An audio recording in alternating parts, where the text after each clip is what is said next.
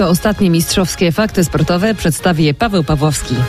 Argentyna piłkarskim mistrzem świata, Szymon Marciniak i jego ekipa najlepszymi sędziami tego mundialu. Z całego świata płyną gratulacje dla polskich arbitrów. Pracą Marciniaka zachwyca, zachwyca się m.in. BBC.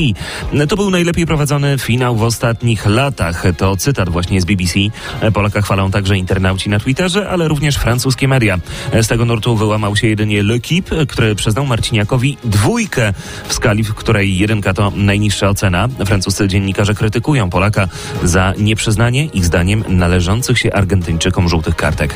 Sprawdzamy jeszcze, co działo się poza mundialem. W siatkarskiej plus lidze porażka projektu Warszawa 0 do 3 w meczu z Asekoresowią Rzeszów. Dosyć szybko Rzeszów przejął dowodzenie w tym spotkaniu i grali bardzo równo ten mecz, bardzo skutecznie, świetnie blokiem, świetnie w obronie, w zagrywce, tak naprawdę w każdym elemencie i bardzo mało było takich momentów, gdzie mogliśmy gdzieś się zaczepić z jakąś grą pozytywną. Mówił kapitan projektu Warszawa Andrzej Wrona. Trwa jeszcze mecz Barkomu Karzany Lwów z Treflem Gdańsk.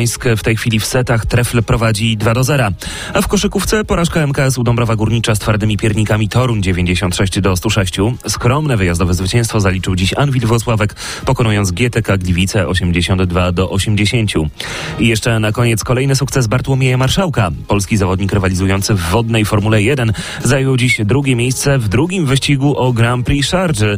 To największy sukces Polaka w karierze. Polski motorowodniak kończy sezon na bardzo dobrym siódmym miejscu w klasyfikacji generalnej.